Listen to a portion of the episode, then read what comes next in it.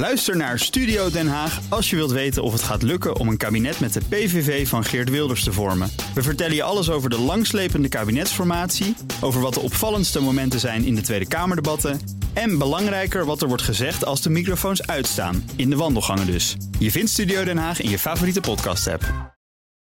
Elke dinsdag praat ik over mislukkingen en wat we daarvan kunnen leren. En dat doe ik samen met Paul Iske, de CFO, de Chief Failure Officer van het Instituut voor Briljante Mislukkingen. Paul, goedemiddag. Hi Thomas. Wat is er deze keer weer mislukt? Ja, dat is misschien een beetje tegenstrijdig. Uh, we kunnen natuurlijk sowieso niet om het nieuws van de afgelopen week heen. Hè, namelijk dat uh, Joe Biden uh, Donald Trump verslagen heeft. Althans, dat gelooft de hele wereld minstens één persoon. Ehm, maar uh, ja, toch wil ik het praten over de mislukking van de overwinnaar Joe Biden. Uh, en, dan kun je afvragen natuurlijk, wat is er dan mislukt? Die man is toch gekozen? Maar er zijn een paar dingen toch anders gelopen dan gepland. En dat is dan volgens mij dan ook een, de ware aard van de mislukking. Hè? Je, je bent iets van plan en dat loopt niet zoals je had gedacht. Nou, wat is de mislukking? Nou, als je kijkt naar de peilingbureaus, hè, die hebben van tevoren echt wel uitgesproken dat het verschil tussen Biden en Trump aanzienlijk zou zijn. En men kwam uit tussen de 8 en de 10 procent. Maar dat is een heel stuk kleiner geworden.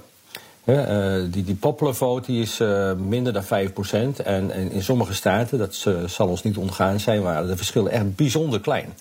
En, en Florida is zelfs naar Trump gegaan. nogmaals, hij heeft gewonnen. maar je kunt je wel afvragen, als het doel nou was geweest om een keertje een overtuigende overwinning te, te hebben. Uh, dat doel is dus niet gelukt. Maar het doel van wie er dan ook meedoet aan een verkiezing is toch altijd om duidelijk te winnen? Ja, ja, nou ja, de, de, eerste doel is om te winnen. Ja, En daarna kun je dan zeggen, eh, ik wil duidelijk winnen. En waarom is dit... hebben, dat klopt.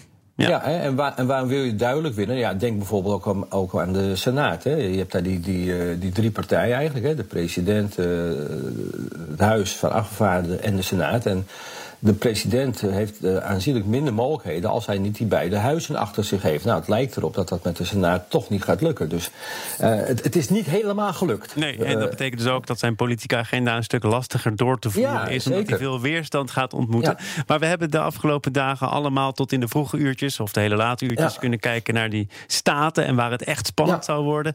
Pennsylvania, heel veel genoemd. Dat is ja, nee, nou, Pennsylvania. Weliswaar geworden door Biden, maar ook met een superklein verschil. En uh, nou, dat is een, mooi voorbeeld van, van waar je zou zeggen, ja, daar zou toch wat van geleerd kunnen worden. En een voorbeeld in die, in die staat, en dat had je trouwens ook in Florida, dat was het stemgedrag van de Latino's. Ja, je, weet, dat is een, een, hele grote bevolkingsgroep. Ik geloof in Pennsylvania wel 5%. En, en en die democraten die, die, gaan ervan uit, ja, dat is uh, een etnische groep. Dus uh, ja, die, die stemmen natuurlijk voor, uh, voor de democraten. Hè? Zoals ze destijds ook dachten dat alle vrouwen wel voor Hillary Clinton zouden stemmen. Dus er is gewoon weinig aandacht aan besteed. Maar wat blijkt nou? Die hebben overwegend op Trump gestemd. Uh, en, en, ze zijn best wel vaak conservatief. Ze waren ook tevreden over de economische ontwikkelingen totdat de corona toesloeg. Ze zijn ook niet helemaal voor uh, ongebreidelde immigratie, want dat leidt op hun gebied vaak tot concurrentie. En het interessante is dat deze groep zich ook niet per se heel erg betrokken voelt bij de Black Lives Matter beweging. Zij, zij, worden ook echt wat minder gediscrimineerd. En zij dragen ook niet dat slavenverleden in hun familie mee. Want zij komen natuurlijk uit een hele andere geschiedenis. En, en maar het lijkt er toch echt wel op dat die Latino's veel minder worden getarget door de Democratische partijen. Dus toch een beetje, toch een beetje nou, voor luiheid. te makkelijk gedacht, uh, die zijn wel binnen. Waardoor uh, wellicht ook je hele campagne er anders uitziet. En uh, het reisschema dat je voor ogen hebt. Hè, waar ga ik wel heen, waar ga ik niet heen? Er is nog weinig tijd. Hier valt ja. iets te winnen, daar is het al in de pocket. ja, en, en, en, dat is toch... Belangrijk. Precies, en dat is dan toch, uh, ja, dat soort onderschattingen. Ook sowieso, dat is toch ook niet de eerste keer. Dat blijken er toch uh, de Trump-aanhangers net iets fanatieker te zijn. Hè, maar de, je komt dat niet altijd te weten in de peilingen. Een soort van schaamteffect. Heb je in Nederland trouwens ook, hè, PVV-forum. En zelfs bij de VVD. Zelf, hè, als je vraagt naar mensen wat stem je, dan gemiddeld genomen geven minder mensen aan dat ze op dat soort partijen stemmen dan ze daadwerkelijk doen. Jouw analyse is dus wel duidelijk. Het had veel dikker, het had veel duidelijker ja, moeten zijn. Ja, het had veel groter kunnen en ook wellicht moeten zijn. En, en uh, nou ja, uh, daarmee heeft, hebben de Democraten en Biden zich toch net, net even wat, wat moeilijker gemaakt. Uh, en, een ander ding wat je hier dus van kunt leren, en dat vind ik wel belangrijk een keertje gezegd hebben.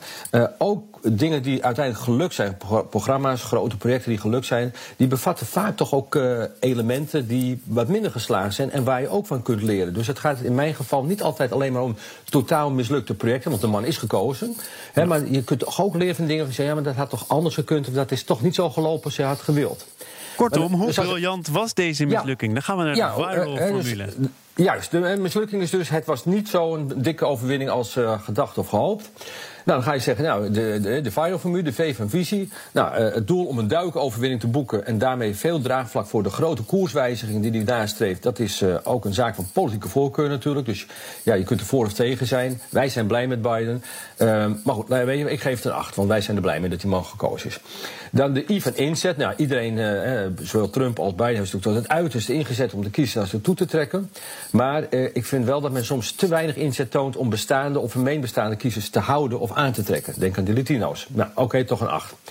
De risico's, ja, uh, het is altijd spannend uh, de laatste jaren geweest. Dus je kunt winnen en je kunt verliezen, dat hoort erbij. Hè. Belangen groot, ook een 8. Maar nu de aanpak, daar scoor ik toch wat minder hoog. Ik zou voortaan toch beter proberen te analyseren waar de twijfelaars zitten. Of welke groepen toch anders stemmen dan je misschien denkt. En het lijkt er toch op dat het iedere keer weer daar te weinig onderzoek naar wordt gedaan. En ik zie er ook geen vernieuwing om die mensen te vinden en te binden. En ik zie ze eerder nog eerder bij Trump dan bij Biden gebeuren. Maar ik geef daar een 6 voor.